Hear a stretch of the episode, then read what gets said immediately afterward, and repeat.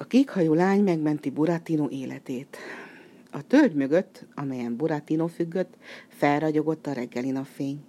A tisztáson a fű kékes színben játszott, az ég színkék virágokon harmadcseppek csillogtak. A göndör kékhajú leányka ismét kitekintett az ablakon, álmosan dörzsölt, de majd tágra nyitotta szép szemét. Ez a leányka Signore Carabas Barabas bábszínházának legszebb bábúja volt. Nem bírta tovább elviselni az igazgató durva bánásmódját, ezért megszökött a színházból, és ebbe a kék tisztáson épült, magányos házacskába költözött. Az állatok, a madarak és a bogarak nagyon megszerették, talán azért, mert jól nevelt, szerít kislány volt.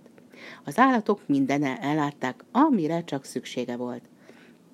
A vakondokok tábdús gyökereket hoztak, az egerek cukrot, sajtot, kolbászdarabkákat, a hűséges Artemon pulikutya zsemlével látta el. A szarka aranypapírba csomagolt csokoládét lopott neki a piacról. A békák dióhéba hozták a limonádét, a sólyom sült vadat, a cserebogarak bogyókat, a lepkék himport púdernek. A hernyók krémet adtak fogmosásra és a nyikorgó ajtók kenésére. A fecskék a ház körül a dongókat és a szúnyogokat írtották. Mihelyt ez a kékhajú kislány felnyitotta a szemét, nyomban meglátta a fagágon feje lefelé csüngő burattinót. A lányka összecsapta a kezét és felkiáltott. Hó, az ablak alatt fülét hegyezve megjelent Artemon, a hűséges uszkár. Épp az imént nyírta magát csupaszra. Ez volt egyébként mindennapi szórakozása. Hátán a szőrzet szépen megfésülve göndörödött, farka bojtján fekete szalagcsokor égeskedett, melső lábán ezüstóra. Itt vagyok. Artemon oldalt fordította orrát, kivicsorította fehér fogait. Hív csak ide valakit, Artemon, mondta a kislány. Le kell venni a fáról a szegény Burattinót, be kell hozni a házba, és orvosért kell menni. Már is mehetek. Artemon szolgált készségének jeléül oly sebesen fordult meg a tengelye körül, hogy hátsó láb alatt csak úgy porzott a homok. Artemon a hangyabolyhoz ugrott, ugatásával felverte az egész hangyasereget, és 400 hangyát a tölgyfához vezényelt, hogy rágják keresztül a kötelet, melyekkel Burátinót a fára kötötték. A 400 hangya libasorban elindult a keskeny ösvényen, felkúszott a tölgyre és átrágta a kötelet. Artemon melső lábával elkapta Burattinót, bevitte a házba és lefektette. Eztán az erdőbe loholt, és elhozta magával a híres bagoly doktort, béka felcsert és egy száraz ághoz hasonló tücsök kuruzslót. Bagoly doktor Buratino mellére tette a fülét, és meghallgatta szívverését. A páciens inkább halott, mint élő, mondotta, suttogóra fogva a hangját, és teljes 180 fokkal elfordította a fejét. A béka sokáig dörzsölte vizes lábával Burattinót, kimerett szemmel elgondolkodva bámult körös körül. Nagy kinyitotta, és kibrekegte. A páciens inkább élő, mint halott. Tücsök, a kuruzsló, száraz, fűszávékony kezével végig tapogatta Burattinót. Két eset lehetséges, sziripelte. Vagy él a páciens, vagy meghalt. Ha él, akkor sem biztos, hogy élve marad. Ha pedig meghalt, akkor vagy életre lehet kelteni, vagy sem. Ez kúruzslás, jelentette ki a bagoly doktor, meglegyintette puha szárnyait, és felrepült a sötét tetőre. A békának dühében minden szemölcsek kidudorodott. Brek, kekeke, de undok a tudatlansága, kvákogta, és nagy ugrásokkal, hasával a földet csúróva eltűnt a nedves pincében tücsök kuruzsló a biztonság kedvéért száraz faágnak tettette magát, és kigurult az ablakon. A kislányka összecsapta két szép kezecskéjét. Nos, hogyan fogom én most meggyógyítani a beteget? Ricinussal, brekegte a pincéből a béka. Ricinussal, vihogott a bagoly, lekicsinően a padlásról. Vagy ricinussal, vagy mással, ciripelt a tücsök az ablak alatt. Ekkor a rongyos, csupa kék volt szerencsétlen Buratino felnyögött. Nem kell nekem, Ricinus, anélkül is jól érzem magam. A kék szemű lányka anyáskodón Buratino fölé hajolt. Buratino kérlek, hunyd be a szemed, fogd be az orrod, és vedd be az orvosságot. Nem kell, nem kell, nem kell! Adok neked egy kis cukorkát. Az ágytakaróra nyomban felmászott egy fehéregér egy darabkat cukorkával. Odaadom a cukrot, ha szót fogadsz, mondta a kislány. Adjon egy kócka cukrot, de értsd meg, ha nem veszed be az orvosságot, meghalhatsz. Nem bánom, halljak meg, akkor sem kell a ricinus. Ekkor a lányka szigorúan, mint egy felnőtt, ráparancsolt. Fogd be az orrod, és nézz a mennyezetre. Egy, kettő, három. A lányka beadta Burattinónak a ricinust, utána a kocka cukrot nyomott a szájába, és megcsokolta. Na, meg is van, a hűséges Artemon, aki szerette, ha minden szerencsésen végződik, örömében szájába kapta a farkát, és úgy forgott az ablak alatt, mint az ezerlábú, ezerfülű, ezer szemű vihar. Reggelre Borattino jókedvűen, egészségesen ébredt, mintha mi sem történt volna. A kékhajú kislány a kertben várta, baba edényekkel terített kis asztalkánál ült. Nem régen mosakodott, arca friss volt, pisze óra, és arca virágporra volt behintve.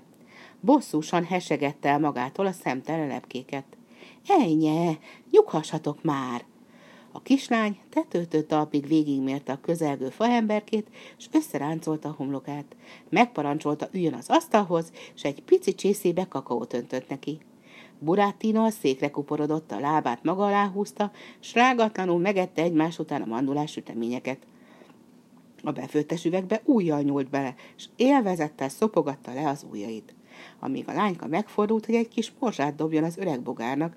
Buratino megfogta a kávéskannát, és kiitta az egész kakaót.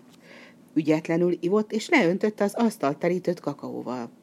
Ekkor a kislány szigorúan rászólt. Húzza ki maga alól a lábát, és rakja az asztal alá. Ne egyék kézzel, arra való a kanál meg a villa. A felháborodástól szaporában pislogott. Mondja kérem, ki neveli magát? Hol Kárló papa, hol meg senki. Most majd én gondoskodom a neveléséről, legyen nyugodt. Pácban vagyok, gondolta Borattino. A ház körül, a pázsiton Artemon futkározott az apró madarak után. Alaposan megkergeti a madarakat, gondolta Borattino irigykedve. Éledelmesen ült az asztalnál, pedig a jól neveltségtől borsózott a háta. Nagy nehezen véget ért a kínos reggeli. A lányka ráparancsolt, hogy törölje le az orráról a kakaót.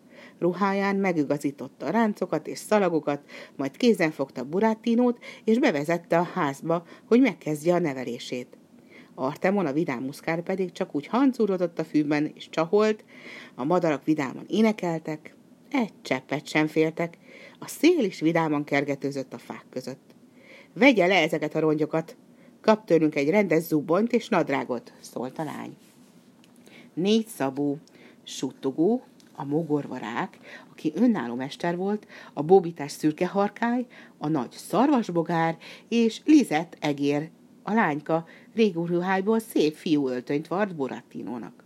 Suttogó szabta az anyagot, harkája csőrével lyukasztott és vart, szarvasbogár a hátulsó lábával sodorta, és Lizette fogával tépte a cérnát. Burátino szégyelte, hogy a kislány viselt hommiát kell felvennie, de nem tehetett mást, át kellett öltöznie. Nagyokat cipogott, és közben elrejtette új zubbonya zsebébe a négy aranyat. Most pedig üljön le, és a kezét pedig rakja maga elé. És egyenesen üljön, mondta a lányka, és fogott egy darab kakrétát. Figyelem, számolni fogunk. Ha a zsebében két alma van, Buratino ravaszul hunyorított. Téved, mert egy sincs. De tegyük fel, ismételte türelmesen a lányka, hogy van két almája. Valaki elvett magától egy almát. Hány almája marad? Kettő. Gondolja csak jól meg. Buratino összeráncolta a homlokát, és úgy gondolkozott. Kettő. Miért? Nem adok én csak úgy bárkinek egy almát, még ha bajba is kapok érte. Magának semmi érzéke sincs a számtanhoz, bosszankodott a lányka. Megpróbáljuk a tolbamondást. A mennyezetre emelte szép szemét. Írja. Indul a görög aludni. Leírta? Most olvassa el ezt a varázsmondatot visszafelé. Tudjuk, hogy Buratino még csak nem is látott tollat vagy tintatartót. Amikor a kislány azt mondta neki írja, Buratino bemártotta az orrát a tintába, de rettentően megijedt, mert az orráról a papírra csöppent egy paca. A kislány összecsapta a kezét, könnyek szöktek a szemébe. Maga semmire kellő csintalan, magát meg kell büntetni. A kislány kitekintett az ablakon, és kikiáltott. Artemon, vezesd el Burattinot a sötét kamrába. A hűséges Artemon fehér fogsorát mutogatva megjelent az ajtóban. Megragadta Burattinót, és a ruhájánál fogva elvonszolta a kamrába. A kamra sarkaiban, a pókhálóban nagy pókok bújtak meg. Ide zárta be Burattinot. Morgott egy kicsit, hogy ráijesszen, és újra elfutott a madarak után. A kislány rávetette magát a csipkézett babaágyra, s keserve sírásra fakadt, amiért ilyen könyörtelenül kellett elbánni a fafiúcskával. Ha már egyszer belefogott a nevelésébe, nem állhat meg félúton. Burattino a sötét kamrában így morgott. Milyen ostoba lány ez! Azt képzeli, hogy ért a neveléshez, csak közönséges porcelán a feje, a teste meg vattából van. A kamrában halk recsegés hallatszott, mintha valaki apró fogait csikorgatná. Hallgass csak ide! Buratino felemelte tintás orrát, s a sötétben felismerte a mennyezet alatt feje lefelé függő denevért. Mit akarsz? Várd meg az éjszakát, Buratino. Csendesebben, csendesebben, sutották a sarokban a pókok. Ne ringassátok hálóinkat, ne ijeszétek el a legyeinket. Buratino egy repet fazékra ült, állát megtámasztotta kezével. Már rosszabb javítóban is volt, de nem ez bántotta, hanem az igazságtalanság. Így kell nevelni a gyerekeket? Kínzás ez és nem nevelés. Ne így ülj, ne így egyél. A gyerek még az ABC-t sem ismer, és már azt kívánja tőle a lány, hogy írjon. A kutya közben meg a madarakat kergeti. Miért bánja ő? A denevér újra így recsegett. Várd meg az éjszakát, Buratino, elvezetlek Bolondországba. Ott már várnak a barátaid, a kandúr meg a róka. Sok vidámságban és örömmel lesz ott részed, csak légy türelmmel éjszakáig.